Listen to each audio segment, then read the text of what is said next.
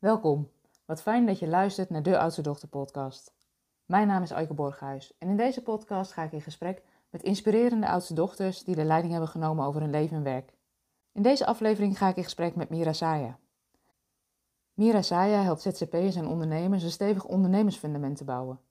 En daarnaast doet ze matchmaking tussen ondernemers en virtuele assistenten, zodat jij als ondernemer kan richten op wat je het liefste doet. Veel luisterplezier. Welkom Mira, wat fijn dat je er bent. Welkom in de Oudste Dochter podcast. Zou je je zullen voorstellen? Ik ben dus Mira Saya, bijna 49 jaar oud. En ik help eigenlijk ondernemers bij alles rondom hun core business. En uh, dat betekent dat ik bijvoorbeeld kijk naar hoe kun je je ondernemersfundament zo stevig als wat neerzetten. Maar ook help ik ondernemers uh, als het nodig is aan een goede virtuele assistent of aan een goede online business manager. Die laatste term is nog wat onbekend in Nederland. Wie weet komen we nog op in het gesprek. Het doet er niet zo heel veel toe, maar dat is wat ik doe. ja, en ik denk dat het voor de luisteraars al wel leuk is om daar iets meer over te weten. Want voor ons is de term virtual assist, uh, assistent eigenlijk heel uh, vertrouwd. Maar voor heel veel mensen is dat nieuw. Wat doet zo'n virtual assistent? Uh, dat is eigenlijk, zoals ik het altijd uitleg, een secretaresse op afstand. Maar daarmee doe ik enorm het vak in, ook meteen tekort. Maar dat is vaak voor mensen die nog geen beeld meer hebben. Vaak, het is hè, iemand die jou uh, in die, dit geval natuurlijk op afstand, want ze zit thuis te werken ja. en het gaat merendeels online, maar die eigenlijk in jouw onderneming alles uit handen neemt wat je zelf niet hoeft te doen. En dat is ontzettend veel. Dat vergeet heel veel ondernemers eigenlijk. Ja.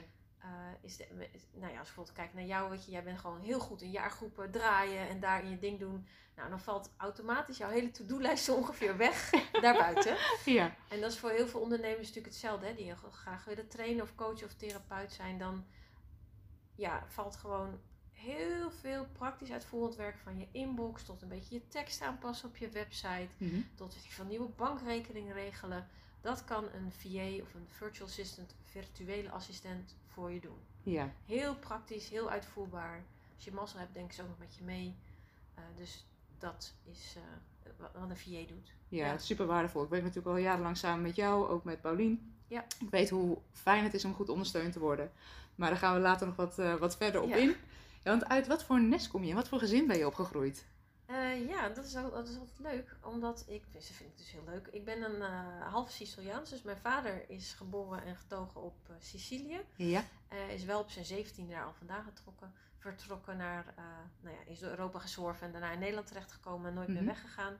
En is dus met mijn moeder, Nederlandse, getrouwd. Ja. En ik ben ook de oudste in het gezin. Ook echt, echt de oudste. Niet dat er nog een kindje van voor mij was of zo. Ja.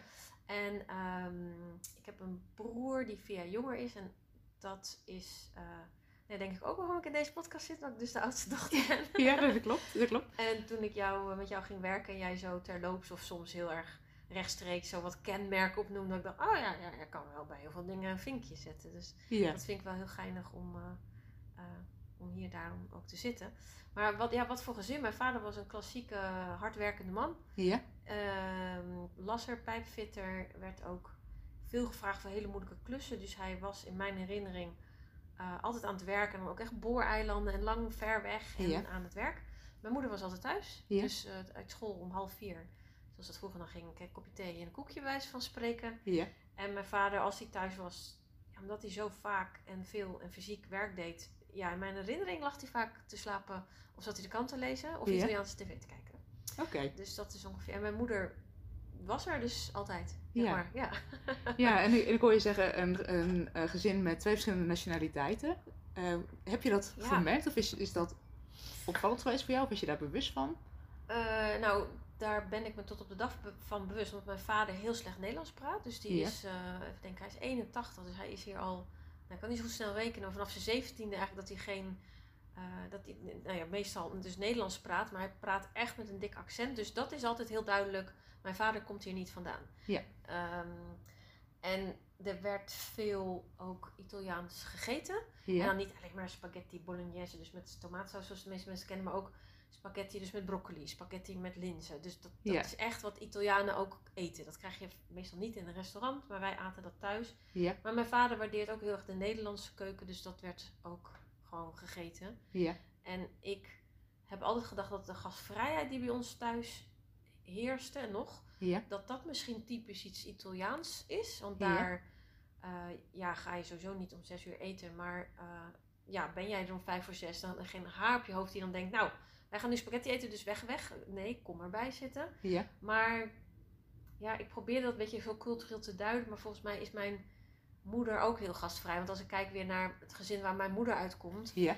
daar was ook, mocht ook iedereen blijven eten. Dus dat, weet je, dat is natuurlijk leuk dat je denkt, daar kan ik een leuk Siciliaans tintje aan geven. Maar dat, ja, dat is volgens mij helemaal niet zo. Nee. Dat is wel iets wat ik heel erg over heb genomen. Dus in ons huis is, even los dat ik nu getrouwd ben met een chef-kok, dat er altijd genoeg eten is. Maar dat deed ik daarvoor ook altijd. Je Ja. kan altijd, ja, je weet nooit wie er aanbelt. En dan doe je open en dan kunnen ze blijven eten. Dus dat vind ik wel zo'n ding wat ik in ieder geval heel erg van huis, heb, huis uit heb meegekregen. vind ik Ja, heel het is- belangrijk. Het is wel mooi dat je dat noemt, want dat is ook wel een van de kwaliteiten van oudste dochters. is ook die zorgzaamheid. Zorgen dat er genoeg is voor iedereen. Nou, in die zin, mijn moeder is ook een oudste dochter. Ja. Dus daar zou het dan ook wel, nu je het zo zit ik te duiden, daar zal het natuurlijk ook wel vandaan kunnen komen. Ja. Dat mijn moeder dat zo heeft geïntegreerd in haar zijn of gewoon zo is. Ja. Er moet altijd genoeg zijn.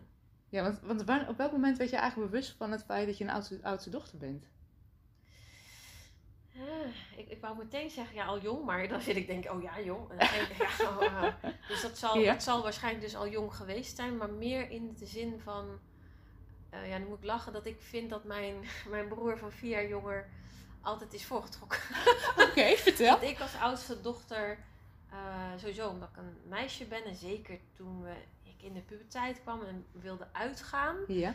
Ik was geen makkelijke puber, laat ik het zo zeggen. Nogal Ja. vrij gevochten. Eh, ik, ik wijk, nou mensen zien mij niet, maar even voor het beeld van thuis. Ik zit onder de tatoeage en ik heb een kaalgeschoren kop. En die heb ik al drie jaar lang. En daarvoor had ik altijd ander soorten haar. Dus ik wijk ook sowieso een beetje af van het gezin. En wat daar een beetje normaal was. Ja. Wat ik meende dat zij dachten dat ik moest zijn. Ja. En omdat mijn broer, ja, die was een beetje een zorgkindje toen die ter wereld kwam. Dus ik kreeg vrij snel toch het gevoel van, jij bent de oudste en jij moet beter weten. Jij moet, nou, niet per se voor me zorgen, maar iets met verantwoordelijkheid en iets met eh, ook, je bent een meisje, dus je mag ook niet zo. Ik mocht pas uit toen ik, ja, ik vond het later, ik geloof 16, toen ik een serieus vriendje had. Met hem mocht ik uit. Ja. Ik mocht niet zomaar, zoals ik mensen ken van mijn generatie, ik ben dus uit 73, die mochten dan op hun vijftiende op de fiets naar twee dorpen verder met hun vriendinnetje. Nou, dat mocht ik echt niet. Nee. Dat mocht ik echt niet. Terwijl mijn broertje op dezelfde leeftijd, die mocht dat wel. En dat denk ik, ja, is dat dan omdat hij jonger is, omdat hij, weet ik veel. Vond ik een ingewikkelde. Ja, ik- nee. dat ik dacht, ja, daar zit toch wel iets in met dat oudste dochter. En vind ik een beetje schuren, zeg maar. ja. Ja. Ja, want je benoemde net van hey, toen wij gingen samenwerken, dat je ineens dacht van hé, hey, ik herken een aantal van die Ja. kwaliteiten en misschien ook wel de valkuilen van de oudste Ja. dochters. Waar, waar, wat ontdekte je? Mm.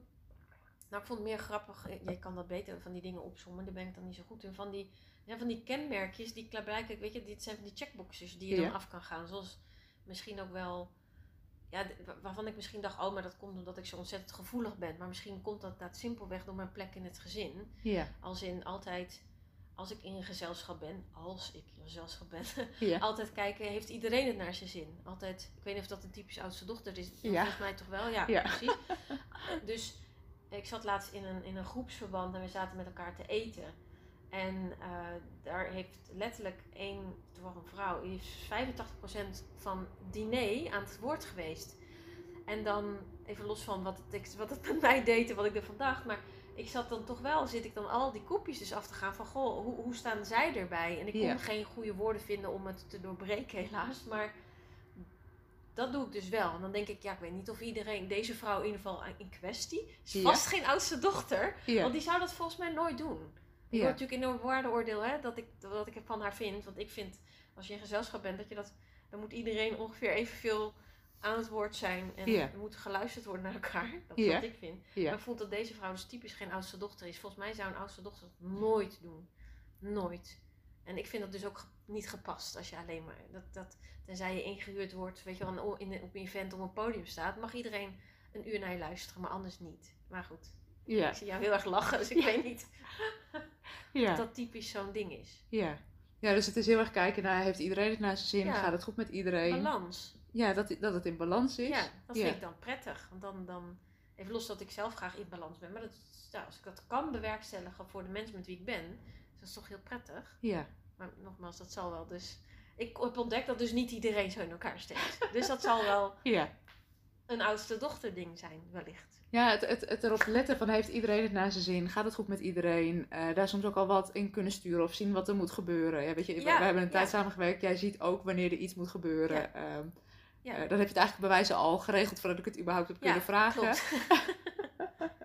Ja. dat. Ja. Ook invoelen van hey, hoe gaat het met iedereen? Wat heeft iemand nodig? Ja. Ehm, En of wat heeft iemand niet meer nodig? Dat is ook zo'n ding, want dat moet, moet je ook, moeten mensen ook soms horen. Tot Ja. hier en niet verder. En ik zit, maar ik weet niet of jij je daar zo... Ja, ken je natuurlijk heel goed. Je, zat, je had, voor de luisteraars, had zo'n bepaalde lach op haar gezicht. Ja. De, toen ik vertelde over die vrouw die zo lang aan het woord was.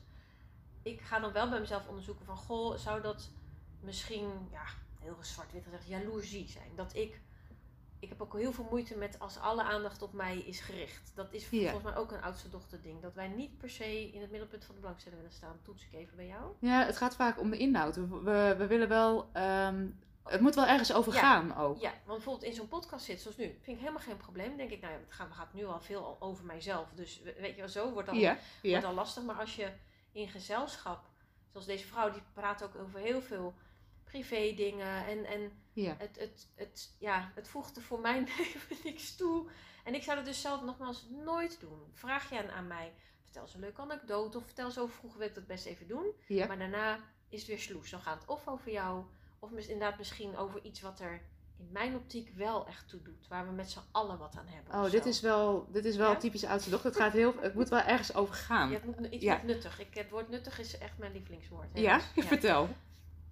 Ja, ik, ik vind wel dat heel veel dingen nut moeten hebben.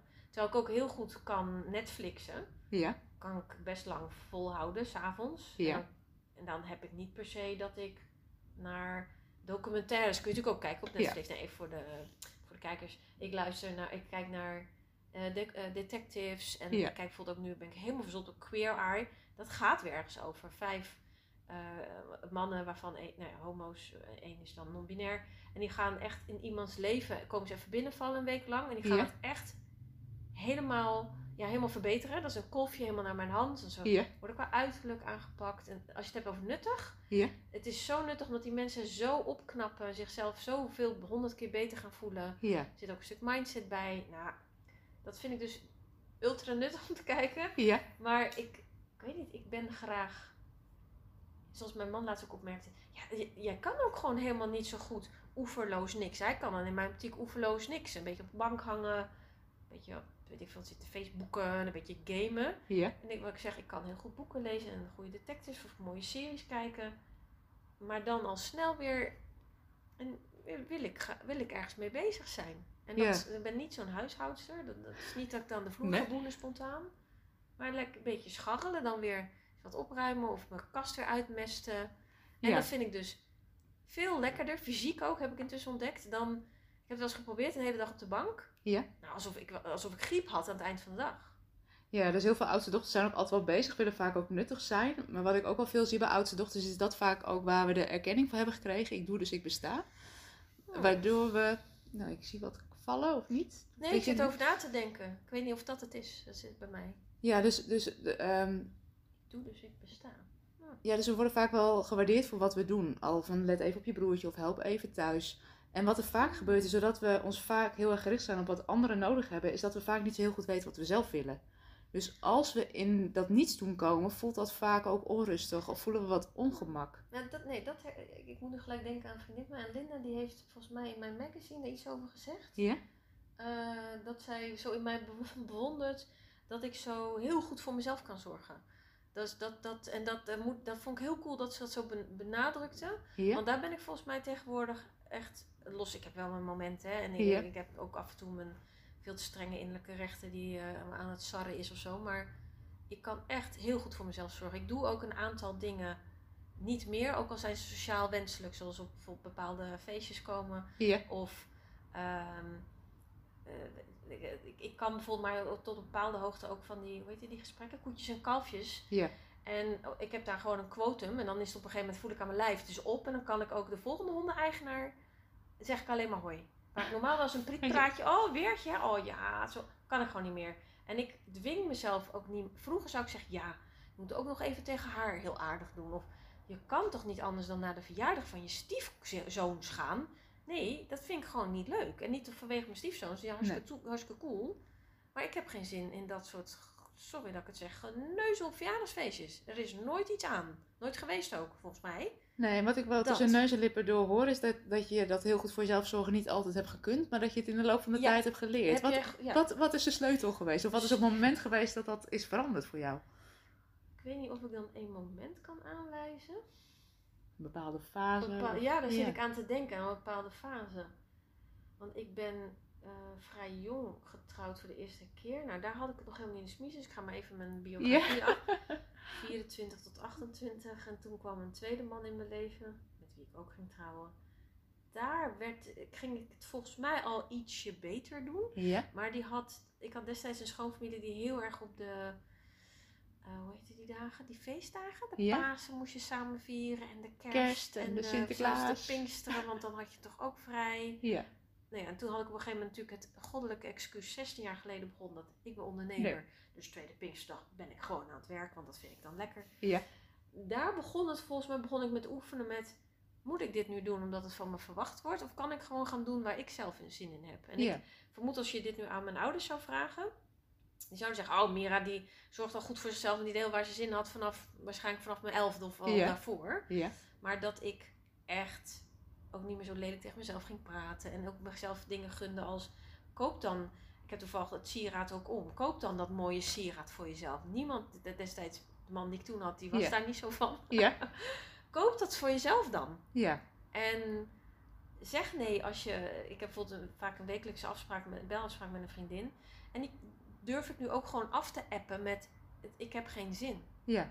In plaats van wat je geneigd, wat ik geneigd was. Ja, zo'n drukke dag geweest. En nou, zullen we het op een kwartiertje. Nee, ik heb geen zin. Ik heb geen puff. Wat dat Ja. woord dan op, opkomt. Maar dat. Dus ik denk dat ergens vanaf mijn.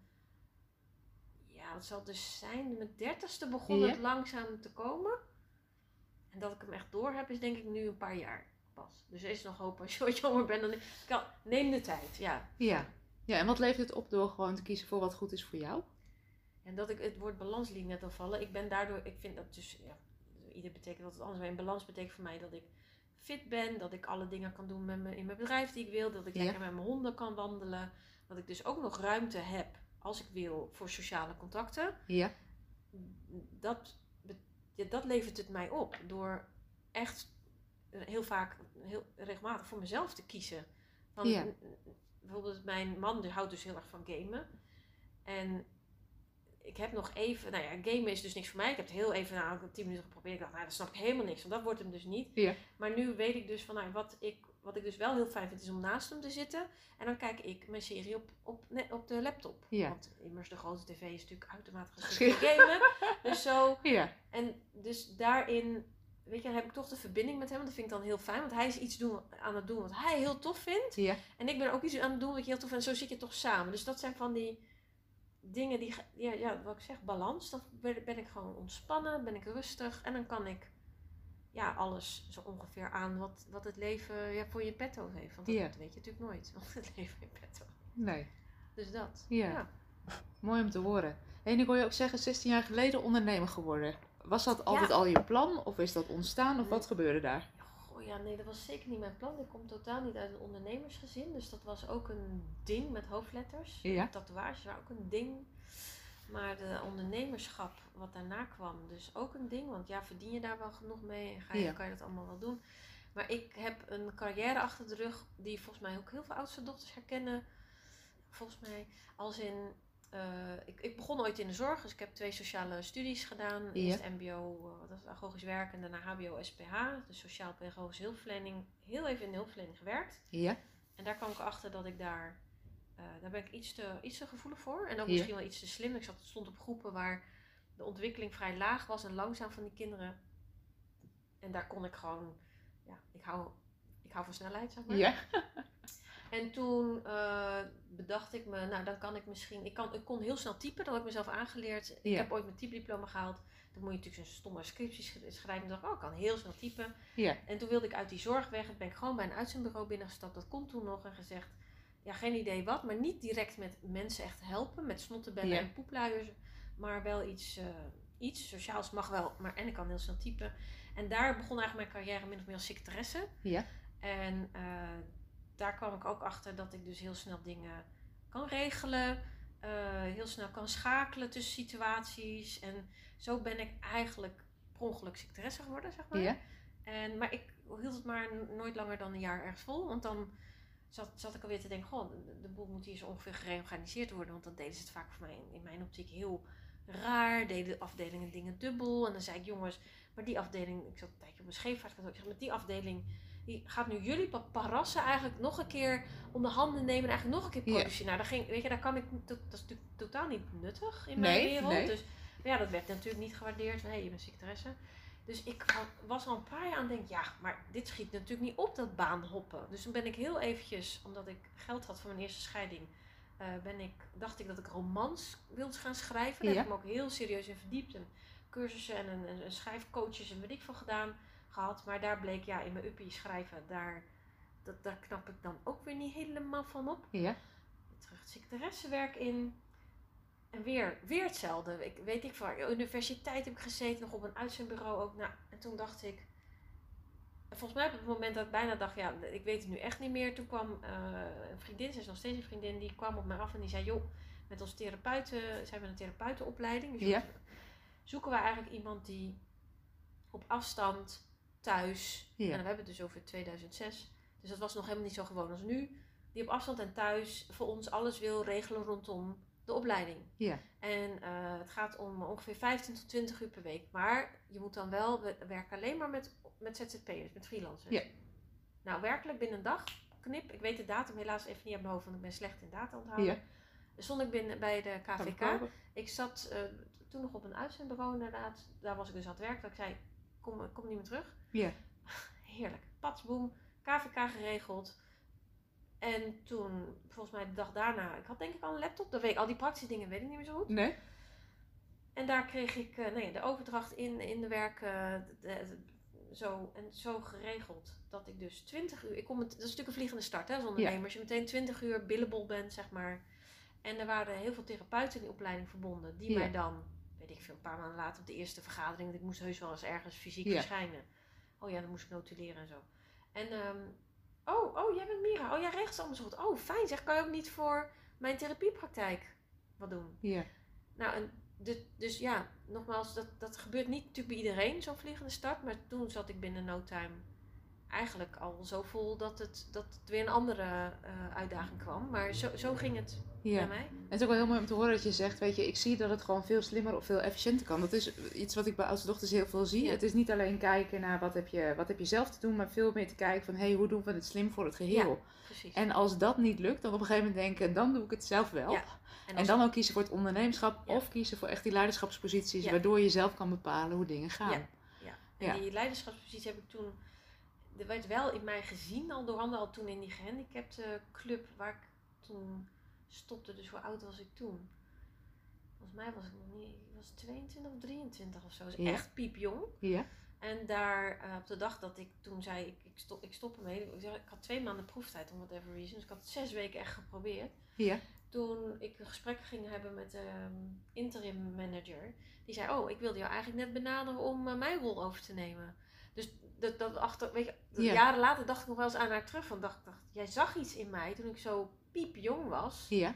Wat ik nu wel heel erg vervoer als ondernemer. Dat ik zeg maar wel leiderschap heb. Maar ja, ik heb er nooit over gedacht om, om dat te tonen in, ja een beetje raar misschien. Maar nooit in een bedrijfsleven of, of in een Ja. zorgsector. Daar kwam ik natuurlijk vandaan, die zorgsector. Dat is nooit in me opgekomen. Dat zag ik mezelf gewoon... Daar vond ik mezelf helemaal niet goed genoeg voor. Denk ik ook een oudste dochter ding. Ja, maar Jezelf vond je jezelf niet goed genoeg of had, je, of had je een ander beeld van leiderschap? Wat was jouw beeld van leiderschap? Wat was een leider in jouw ogen in die tijd? Nou, zij was wel een goede manager. Ik had daar wel altijd ook een mening over. Want ik had Ja. natuurlijk eigenlijk altijd ook gezeik met de managers. Want ik dacht natuurlijk, ik denk van de tien keer... ja, jongens, hoor eens even, lelijk woord. Eh, zo krijg je mensen niet in beweging. Zo maak je conflict groter. Ja. Dus ik weet niet of ik precies een beeld had van wat de leider wel moest zijn. Maar ik zag ja, dat ik dat zelf niet zo op mezelf direct plakte. Ja. Maar ik zag wel van, jong, dit is dus niet, han dit is niet handig. Ik Ja. snapte soms ook echt niet waarom een bepaalde directeur op bepaalde plekken ook, of nou man of vrouw was. Ik echt dacht, nou ja, ik weet niet wat jij ervoor gedaan hebt, maar serieus, weet je, je Ja. ontbreekt iets essentieels. Bijvoorbeeld, ehm, wat ik vaak zonde vind dat mensen, hoe zeg je dat niet, zelfkennis, ja ook zelfkennis. Reflectie? Reflectie. Ja. Joh, man, kom er eens om. En ik, ik was, natuurlijk, was natuurlijk getraind in die sociale opleiding al op zelfreflectie. Ja. Op het daar. Toen ging ik coachopleiding doen. Toen ik startte als ondernemer, dacht ik namelijk ook, ik wil ook misschien wel coach worden. Ja. Opleiding braaf gedaan. Ja, daar komt weer een bak met zelfreflectie eh, je tegemoet, eh, waar je u tegen zegt. Ja. Zag ik niet altijd, nog steeds niet terug in leiders. ja dus, je, dus je zag het niet in leiders, dus je zag jezelf ook niet meteen als, als leider. Nee. Nee. En, en deze dynamiek die je nu benoemt, van dat je, dat je soms denkt van ja, weet je, eh, de vinger op de zere plek leggen van je zou het anders kunnen doen. Dat Ja. is wat ik bij veel oudste dochters eh, wel, wel terugzie. En daardoor soms ook in conflict, conflict situaties terechtkomen in het werk. Omdat dat Ja. vaak vanuit de leiding niet geaccepteerd wordt. Precies.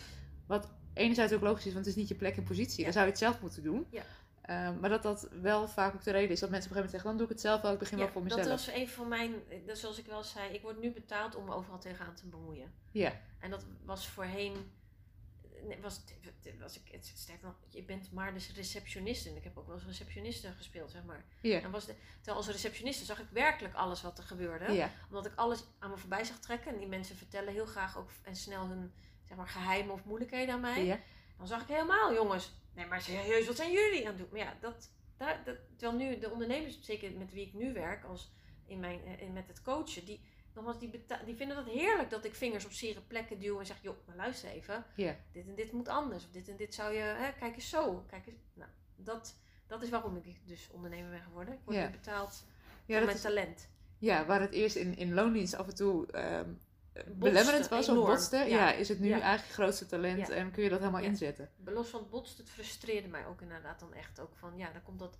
ja, dan kon ik niet laten zien wat, hoe het anders kan. Terwijl dingen kunnen vaak zo, op een heel kleine manier kan het al veel makkelijker. Ja, veel makkelijker, Het veel lichter. makkelijk, ja, mag makkelijk. Ja. Mooi. Want je bent toen begonnen bij ehm, ehm, eerst eh 20 uur bij, Bij die opleiding. bij die opleiding. Daarna kreeg je allerlei andere vragen. Hoe is jouw ondernemersreis daarna verder verlopen? Nou, even nog wat ik net vergat te vertellen is dat ik naast die opleiding en die opdrachten die, die Ja. ik daaruit voortvloeide, is dat ik eigenlijk destijds ook meteen dacht, ik ga nu, ik ga dat eh secretaresse zeg maar werk, want zo het heette toen gewoon online secretaresse of zo, Ja. want ja, de term VA was er nog helemaal niet. Ja. Eh, ik wilde eigenlijk toen HSP-coach eh, worden, dus Ja. daar had ik ook voor geleerd om dat te zijn. Ja. En toen was alleen HSP, hooggevoeligheid, was nog helemaal niet zo bekend. Nu kan ik het bijna tegen iedereen zeggen. Kijkt niemand raar op. Ja. Mensen zullen ook meteen zeggen: Oh, dat typisch heb ik ook. Of mijn Ja. man, oh, is er ook zo één of zo. Ja. De boeken, eh, je kan volgens mij een halve kast mee vullen. De trainingen, de coaches, je wordt er eigenlijk, eigenlijk bij wijze van mee doodgegooid. Toen was ik een van de, niet een van de eerste, maar ja, ik denk Marianne, ik weet even de naam niet meer. Er zijn een aantal, het waren twee of drie vrouwen in Nederland die, het, waren, die waren al mee bezig. Ik was zeg maar vrouw nummer vier. Maar ik liep daar dus echt tegenaan. Ik dacht, ja, ik, mensen hadden heel veel klachten en dan kwamen ze bij mij. En dan was dat om, ja, simpelweg, ja, sorry, je bent, je bent Ja. HSP, zeg maar. Maar dan moest ik nog zo'n inhaalslag doen om dat uit te leggen. Dat ik, dat vond ik ook in mijn marketing heel erg lastig. En ik kwam ook een stukje herhaling terecht. Omdat heel veel, eh, als je net ontdekt dat je hooggevoelig bent, dat dat dus is waar je last van hebt, dan zijn Ja. er eigenlijk een aantal basisstappen die je gewoon moet volgen. Wordt Ja. je leven acuut een stuk beter van. Ja. En dat vertelde ik natuurlijk tegen iedereen die net startte. Want ik had best, ik had, ik had best wel een leuke omzet, ik had leuke klanten, ik heb ook een groep gedraaid. Maar op een gegeven moment kreeg ik deze vu gevoel. En ik dacht, ja, maar dit heb ik jou toch al uitgelegd. En dan bleek dat zeg maar de klant van vanochtend te zijn. Ja. En daar kwam ik in een soort herhalingsachtig gevoel. En dat hou, daar hou ik ook helemaal niet van. Ik Nee. of dat een kenmerk is. Ja, dat is een kenmerk. Herhaling is gewoon, gaan we niet doen. Daar knap ik niet van op. En ik zat destijds wel in een marketingtraining van Laura Balboyowski. Ja. En daar ging ik later, alhoewel ik dat eigenlijk van Linda Spaanboek heb geleerd, later kwam wel in mijn leven dat je natuurlijk herhalende dingen in je eh, praktijk, Ja. in, je, onder- in, je, in je vak, kun je natuurlijk prima, zouden we nu zeggen, doe je geluk online masterclassje opnemen, Ja. videootje, hang je online, Ja. toegang, klaar. Hoef jij je nooit meer te herhalen, kun je inzoomen op wat er speelt op dat moment. Ja. Maar dat was toen, ik zat toen net op dat kantelpunt, het was nog, toen wist ik dat nog niet. Men, wij, men deed dat ook gewoon nog Nee. niet. Je herhaalde je gewoon of je, weet ik veel. En ik zat dus in een marketingtraining toen ik daarachter kwam van die herhaling is niks. Daar heb ik ook het besluit genomen om dan te stoppen met HSP-coaching. Ja. En dan maar even me totaal ja, te gaan verhuren als online secretaresse. En dat liet ik vallen toen in die marketinggroep. En daar is het echt toen bijna ontploft in de goede zin van het woord. Ik was ook tegelijkertijd van Laura, haar VA. Zij bracht Ja. mij ook in aan- aanraking met de term virtual assistant. En zij zagen mij natuurlijk dubbel. Hè? Ze zagen Ja. mij als ondernemer ook aan het werk voor Laura. Want ik had een dubbelrol. En daar gingen volgens mij drie van de zes of negen, weet ik hoeveel het er waren. Oh, maar ben je beschikbaar dan ook voor mij? Ja. En ik had dus toen ook vrij snel, ja, volgens mij ook een tijdje lang, raad ik niemand aan, was ik zeg maar 40 uur billable. Daarmee bedoel ik dat je 40 uur werkt voor klanten. Dat is echt heel pittig. Eh, ik had toen nog, ik had nou, sowieso geen kinderen, maar geen honden. Dus dat maakte dat ik het kon Ja. doen. Maar je hebt natuurlijk ook altijd tijd nodig voor jezelf en Ja. je administratie en Ja. je marketing. Dus dat had weer zo zijn nadelen. Maar daar kreeg het dus zo'n ja, zo'n enorme vaart. Om Ja. ineens. Ik was een van de eerste VA's. Wel in Nederland kan ik ook achteraf zeggen. Daar was ik toen helemaal niet, was ik helemaal niet mee bezig. Ja. Maar dat begreep ik later. Ja. En nogmaals, daar ehm, kwam ik dus ook achter het fenomeen dat je dus mensen. Dus ik dacht aan mezelf te klonen. Dat Ja. kan natuurlijk helemaal Ja. niet. Maar dat, want intussen gingen ook steeds meer andere ondernemers. Want dat, zo gaat het. Hè? Als je gewoon leuk, je doet wat je leuk vindt en je bent ook goed in. Op Ja. een of andere manier komen mensen dan op je af. Heb Ja, en het is, ja, het is wel mooi als ik jou nou zo beluister. Je bent ook steeds een voorloper in wat je Ja, doet. De, het, ik een, V- een VA bestond nog niet. eh, Ja. Jij bent de eerste VA. De HSP. HSP-coaching bestond nog niet. Jij bent het gaan ontwikkelen. Ik- Ehm, is dat dus ook een- een ding? Ja, wel, wel pionieren en ook eh, niet houden van herhaling, dus daarin snel verveeld zijn. Dus kijken hoe je dingen kan automatiseren, hoe je het slimmer kan doen, hoe je het weg kan Hoe je het organiseren. niet meer kan hoeven te doen. Ja. dat dus. En daar kwam inderdaad ook volgens mij redelijk het pionieren, om dat woord maar even inderdaad te gebruiken, als in dat ik dacht, hé, hey, ik kan mezelf niet klonen. Maar ik kan misschien, in al mijn onschuld dacht ik, eh, dat ik mensen wel kon opleiden tot wat ik deed. Ja. Want ik dacht toen ook nog, heb ik vrij lang volgehouden, dat, wat, dat mijn talentenpakket, dat ik dat kon aanleren. Dat dat heel veel mensen hebben. Ja. Dus ik ging mensen in dienst nemen. Ja, Eh, ik heb nog even onderzocht of payroll moest zijn. Ik dacht, nee, we springen dieper. Ja. Ik neem ze aan. Ja. En op mijn hoogte of dieptepunt, net hoe je het wil zeggen, had ik vijf mensen in dienst. Daar zat ook een beetje wisseling in. Dus ik werd werkgever. Ja. En daar heb ik natuurlijk, want zo ben ik, dan moet je allemaal, wil ik allemaal goed regelen. ja, Dus dan komen natuurlijk ook bureaus, want ze gingen ook thuiswerken. Ze zaten door het hele land verspreid. En ik kreeg van een aantal mensen terug dat ik de beste, le- leukste werkgever was die ze ooit hadden gehad. Nou, helemaal cool. En, maar ik had totaal onderschat dat je dan dus, nou misschien dus leider, maar dan word je dus werkgever. ja, Dan moet je dus ook ineens, dan bleek dus ook mensen moeten gemanaged worden. ja, Waar ik eigenlijk altijd alles zo'n beetje zelf een beetje heb uit zitten vinden. Ik was Ja. secretaresse en ik, ja, ik dacht, ik heb een typediploma, verder heb ik niks. Maar kijk wel even hoe we het hier doen ja, daar bleken die mensen dat talent niet te hebben. Dus die moest ik echt, echt alles, alles leren. Nog los van hoe je online werkt. Ja. Hoe, weet ik, toen hadden we nog geen Asana en zo, maar al die andere online tools. Ja. Dat, dat leerde ik ze aan. Ik ging intussen dus ook natuurlijk gesprekken voeren met ondernemers die ook een VA zochten. En dan ging Ja. ik zo kop matchen. Dat, dat, dat vind ik dus heel leuk, dat koppelen. ja, Maar als mensen met mij zelf hadden gewerkt, dan kwamen ze wel van... Ja, maar hey, die, eh, die Pietje Puk van jou, die kan helemaal niet wat jij kan. Want dat, ja, meedenken, dat verbanden zien, dat Ja. vooruitdenken, dat snelle, dat, dat. Oh, dacht ik toen, oké, nou ja, dat was een les. En ook was een les dat ik dus niet heel blij word van. Ja, daar ontkom je niet aan om mensen toch een beetje te managen, een beetje Ja. te sturen. Er was er eentje die moest altijd praten over de gezondheid. Nou, daar heb ik al helemaal. Oh, dat ging gewoon maar hemel. En toen werd er ook nog eentje ziek en dat was echt de, de, de, de klapper. Die, en toen bleek dat mijn verzekering pas na drie maanden ging uitkeren. Ja. In plaats van drie weken, wat ook mijn verzekeringsman, die had een grof fout in gemaakt. Dus ik moest haar Drie- uit eigen zak drie maanden salaris betalen. Ja. Logisch. Want, Ja. Maar al haar, al haar klanten, Ja. die zaten van de een op de andere dag zonder VA.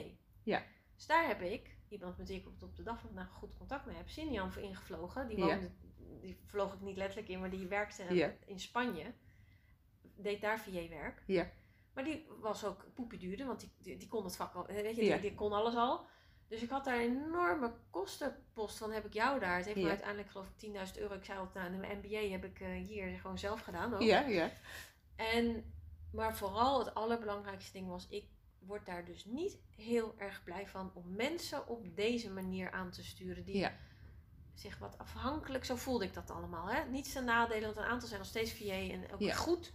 Maar afhankelijk, aansturend, werkgeverachtig, het was niet mijn ding. Ja. En toen ben ik daarna overgestapt naar wel nog steeds matchen. Want dat vind ik echt, echt super leuk om te doen. Ja.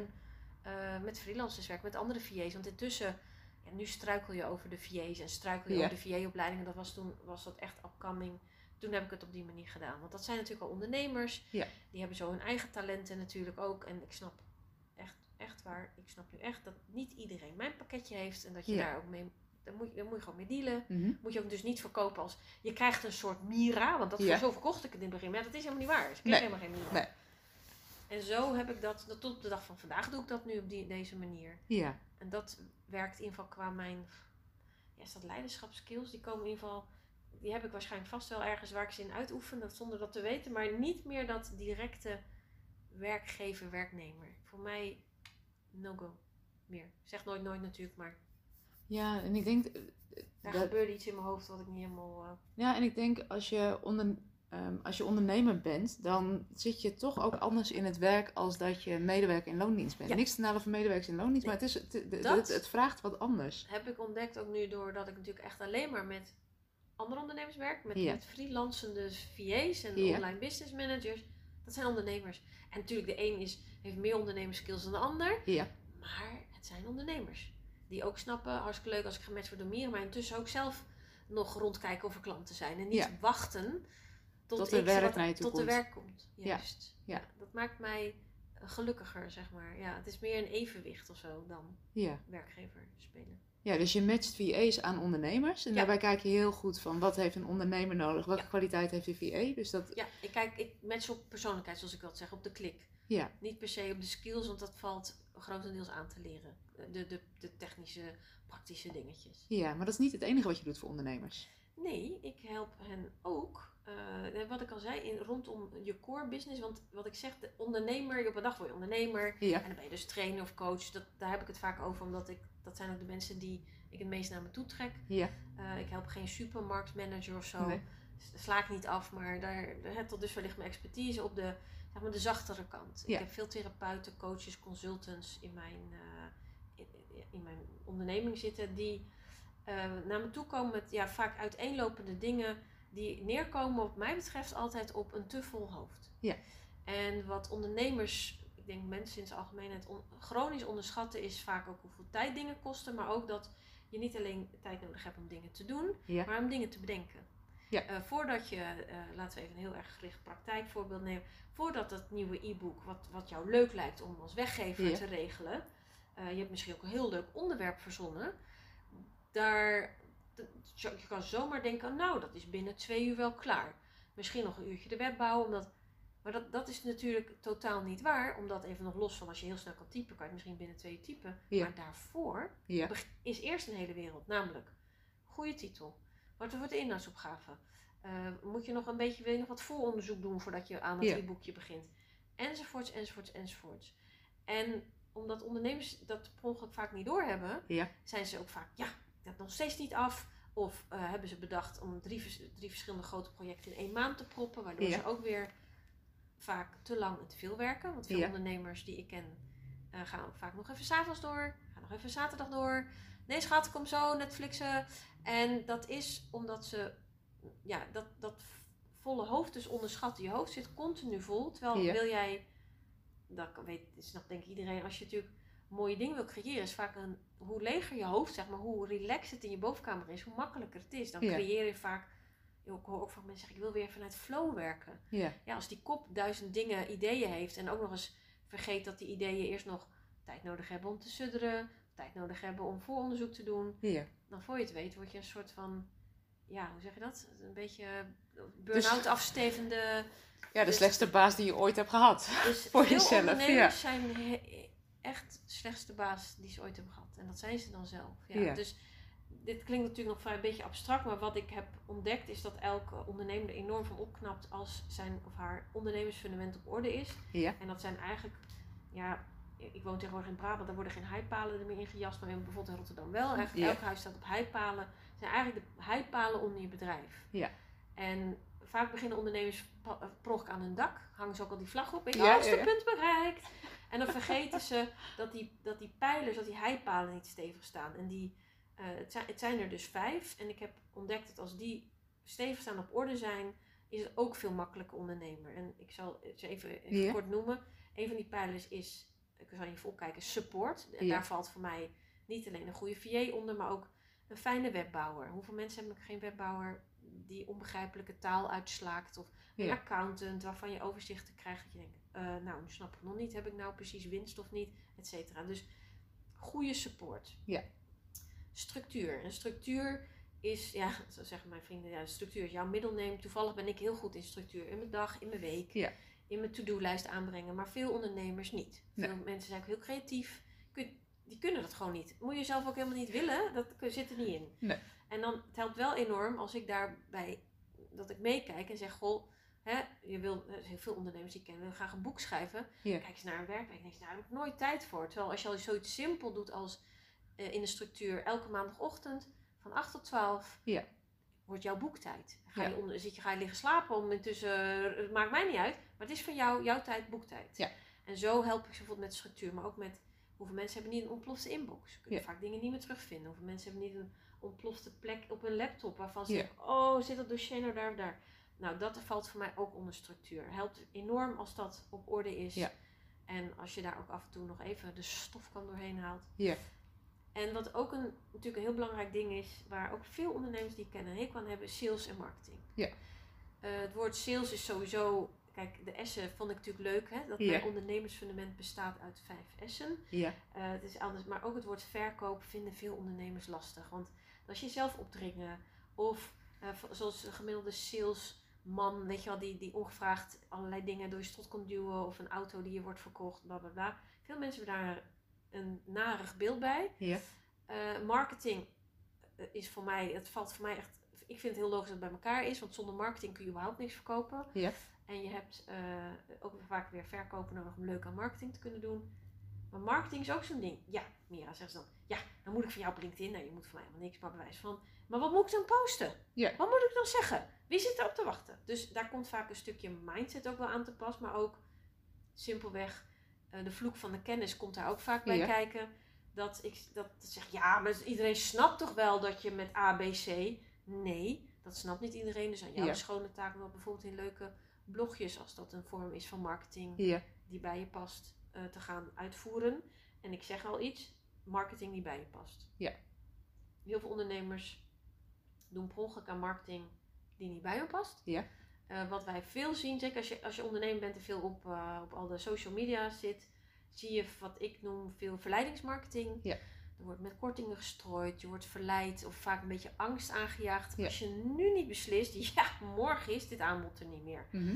Dat is een vorm van marketing die ik lang heb geleerd en ook bewijs van uitgevoerd, maar die mij al een tijd niet meer past. Ja. Eh, dan heb je ook nog wegjaagmarketing. Dat is, eh de- Art-Jan van Erkel is daar de, de, de, de uitvinder min of meer van. Kan ook een prima vorm van marketing zijn waarin je heel erg target op echt, echt heel specifieke doelgroep.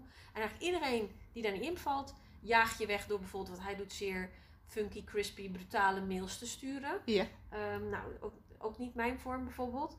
En eh, dankzij Selma Voeken kwam ik op het pad van intrinsiek marketing. Ja. En ik vermoed, hoop, vrees, net hoe je het wil zeggen, dat heel veel van de coaches, therapeuten, consultants, dat die vorm van marketing waarschijnlijk veel beter bij ze past. Maar dat ze daar, nou, misschien helpt deze podcast aan mee, dat ze daar nog helemaal nooit van gehoord hebben. Ja.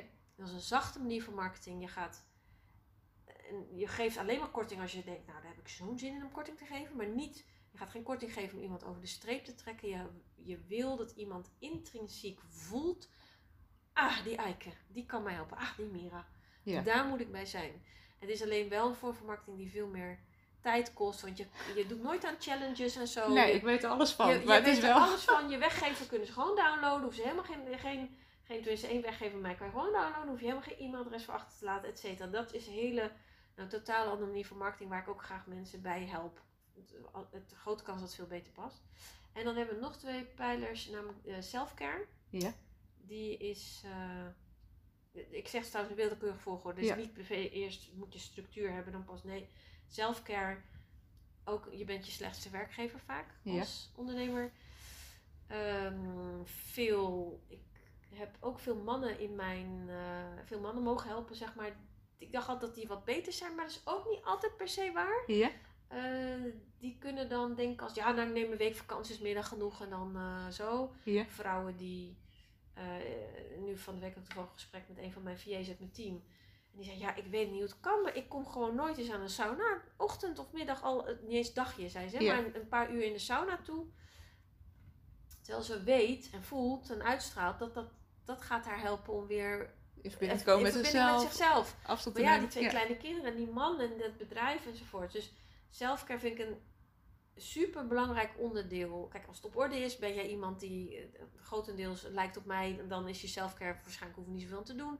Maar de meeste mensen hebben daar echt wel wat bij nodig. Dat is trouwens ook wel een oudste dochter ding. Eerst zorgen voor alles en iedereen en dan pas voor ja, zichzelf. Dus alleen wat ik heel, en die heb ik echt natuurlijk niet van mezelf. hier, Maar de, dat ding wat in je in een vliegtuig, als dan die die mapjes, die zuurstofmaskers, zuurstof. Ja, Dat is vaak voor mensen echt een eye-opener. Ik zeg, je hebt wel eens wel in een vliegtuig gezeten? Ja. Ik zeg, nou, je zit je met je kind naast, zegt dat ding komt naar beneden. Wat zegt die stewardess dan? Eerst dat kapje op je eigen mond. en dan, en dan pas. pas dat kind of die oma of opa, Ja. wie er naast je zit. Eerst jezelf. Want als jij geen zuurstof hebt, geen energie meer hebt, kun je dus niks meer voor niemand betekenen. Nee. En, maar goed, die, die moet ik dan wel eens herhalen, zeg maar, bij sommige mensen. en eh, de laatste zijn eh, systemen. En ja, de meeste ondernemers, nou eigenlijk alle ondernemers die ik, waarmee ik werk, die werken online. Ja. En het is heel handig als je dan werken, sowieso dat je systemen werken, maar Ja. ook sommige ondernemers hebben te veel systemen. Want die zitten dan in een intervisie of in de mastermind en zegt iemand, weet je wat jij ook moet nemen? Dit, dit systeem. Terwijl ze vaak op per ongeluk, vaak een CRM-systeem, noem maar wat. Maar als je het gemiddelde eh, goede online mailsysteem hebt, daar kun je vaak ook al veel CRM-achtige dingetjes in kwijt. Moet je er dan nog een systeem naast? Dus ook naar dat soort dingen kijk ik van, joh, is dit systeem überhaupt voor je nodig? Is het ook, eh, kan het goedkoper? Kan, ook weer, kan het beter? Kan het makkelijker? Dat. En, en soms blijkt dat er nog veel klanten met wie ik heb gewerkt, werkten met een eh, papieren agenda. Ja. Niks mis mee. Alleen dan wilden ze bijvoorbeeld wel heel makkelijk dat hun klanten online hun ehm, afspraak gingen inplannen. Ja, dat gaat dus niet. En dat gaat niet. Dat Nee. gaat echt niet. Ik heb er lang ook over gedacht, kan ik hier? Maar ik kon er niks op verzinnen. Nee. En dus dan moet je wel over naar bijvoorbeeld een Google Calendar om, om dat systeem voor jou te laten werken, zodat jij niet, ja dat kent iedereen, heen en weer mailen over afspraken of bellen. Kost allemaal heel veel tijd. Terwijl als je een linkje stuurt naar bijvoorbeeld, dat is zo'n systeem wat heet Calendly. Je zegt, klik op deze Ja. link. Je ziet wanneer ik ruimte heb voor een coachsessie met jou. Boek jezelf in. Ja. En jij ziet vanzelf zo iemand in je agenda verschijnen. Ja, ik vind het een goddelijk systeem. Ja, Maar dat is ook wel iets wat mensen dan weer. Dus soms sommige mensen kennen het helemaal niet. Dus nou ja, daar. Als je ze allemaal zo bij alle vijf op een plek hebt. En ook dus niet op de plek waarvan ik vind dat het moet. Maar wat, je, wat bij jou en jouw bedrijf hoort. ja, Dan. Ja, wat ik zeg, je hoofd wordt er acuut een stuk leger van. En dat vind ik zelf weer een voorwaarde om dus ontspannen te kunnen leven. Maar ook weer om nieuwe dingen te creëren bijvoorbeeld ja. nieuwe dingen te verzinnen. Nog betere therapievorm, nog betere coaching sessie, weet ik het. Dat. Ja, dus eigenlijk de ondernemers kunnen zich veel meer richten op hun core business. En de rest Ja. wordt eigenlijk ontzorgd of wordt makkelijker. Waardoor je daar geen tijd en energie aan verliest. Precies. Want daar, want daar gaat natuurlijk per ongeluk, elke ondernemer die dit hoort, denkt, oh ja, daar gaat, daar gaat veel tijd en energie vaak ja, Verloren. verloren. Ja. Laten we toch maar dat woord gebruiken. Ja. Ja. Ja. Mooi om te horen. En als jij achteraf eh, terugkijkt op je leven, wat zijn daar bepaalde keerpunten geweest waarin je dingen anders bent gaan doen? Ah, Even zuchten en even nadenken. Dat is, dat is als je bijna een halve eeuw oud bent. Ja. keerpunt dat ik dingen anders ben gaan doen. Eh, ik moet toch denken aan toen ik 30 was, had ik eh schildklierziekte, of de ziekte van Graves. Dus dat is een te snel werkende schildklier. Ik rookte daarvoor nog vrij, zeker op een gegeven moment vrij veel. en toen, nou ja, daar werd ik natuurlijk voor behandeld voor de ziekte. En toen zei de internist, eh, oh je rookt, nou daar kijken ze altijd heel erg vies bij, want dat is natuurlijk no-go, sowieso roken, Ja. foei, foei, foei.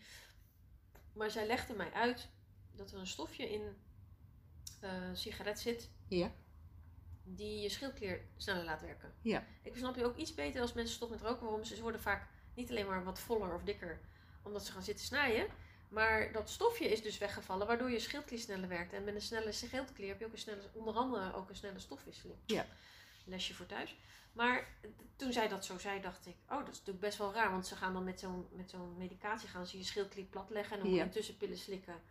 Om toch een beetje te faken alsof je schildklierhormonen hebt. Want anders ga je Ja. gewoon ga je dood. Toen dacht ik, dat is een beetje raar. Dus dan ga ik natuurlijk gaan roken. Want dan wek ik dat ding weer op. Terwijl Ja. die in rust moet blijven. Dus dat was wel zo'n zo'n keerpunt dat iemand iets tegen mij zei wat me is bijgebleven. Van, oh, en van dat stofje. Dat ik dacht, oké, kijk, ik, weet al ook al honderd jaar dat roken niet... Kijk, ik ben Ja. opgegroeid in de tijd dat ze op feestjes werden... De sigaret stond op tafel. Ja, ja, ja. Maar daarna, weet je, kwam wel dat besef. Dus dat was voor me echt zo'n... Oh, laat dat in het kader van self-care, hè, Ja. laat ik dat dan maar niet meer doen. En ehm, dat vond ik wel... Een, want ik was echt wel gewoon verslaafd. Ik heb er jaren ook over gedroomd nog dat ik rookte. En dan Ja. schrok ik wakker. "Oh, ik heb gerookt. Dus Ja. dat is echt een eh, interessant ding. En wanneer ben ik ook nog iets anders gaan doen? Maar dit is ook wel vrij bepalend geweest. Want het was, je bent echt heel ziek geweest. Nou ja, dat viel in die zin, ja, eigenlijk wel. Ik, ik had niet door dat ik een snel werkend schildklier had, dus ik viel heel erg af. En dat vond ik heel, Ja. heel gunstig. Dat vindt elke vrouw. Heel goed. Ja. Oh, ik kon mijn gehaktballen met. Ik werkte toen ook op dat, eh, op, bij- op dat scheepvaartkantoor. Ja. Waar de mannen naar mij keken. En eh, even voor het beeld: ik waren honderd mensen werkzaam, waarvan tien vrouwen. En ik was een van die tien vrouwen. En ik zat daar gehaktballen mayonaise eh, tijdens de lunchpauze binnen te harken. Maar op een gegeven moment begon volgens mij één de man die was echt heel diep van ja. Je was altijd al slank, maar nu word je wel heel slank. Ja. En dat terwijl wij, weet je wel, echt, wij zien jou, wij, we zien wat je eet. Dus Ja. ha- hoe dan? Ja. En toen had ik een nieuwe broek gekocht, want ja, mijn broek waren ook te groot. En die viel toen binnen een week af. En toen dacht ik, oké, dit is niet goed. Ja. En dan ga je het circuit in, want dan blijkt dus dat je schildklier te snel werkt. En ik reageerde niet zo heel goed op dat platleggen in combinatie met die schildklierhormonen. Mij was voorgespiegeld dat je dan gewoon je leven kon leiden. Ja. Tot ik een andere internist had die zei heel realistisch, nou, dat, dat kan, maar jij hebt gewoon pech. Dus ik kon eigenlijk, heb ik een tijd inderdaad mijn leven op, zeg maar, voor de helft kunnen leiden. Ik werkte Ja. ook maar halve dagen. En ik was eigenlijk al, nou, ik moest erheen fietsen en was ik eigenlijk al kapot. Maar dan Ja. bleef ik toch nog even zitten. Dat heeft mij wel gezorgd dat ik niet totaal depressief ter aarde stortte. Want ik was Ja. toch nog nuttig en ik kon ergens heen. Eh, maar ik maakte wel eens de fout door met de honden, ging ik de honden uitlaten en dan... eh, Nee, die had ik toen nog niet. Ik heb namelijk nog een keer, ik haalde een tweede schildklier-issue Ja. eh, even door elkaar.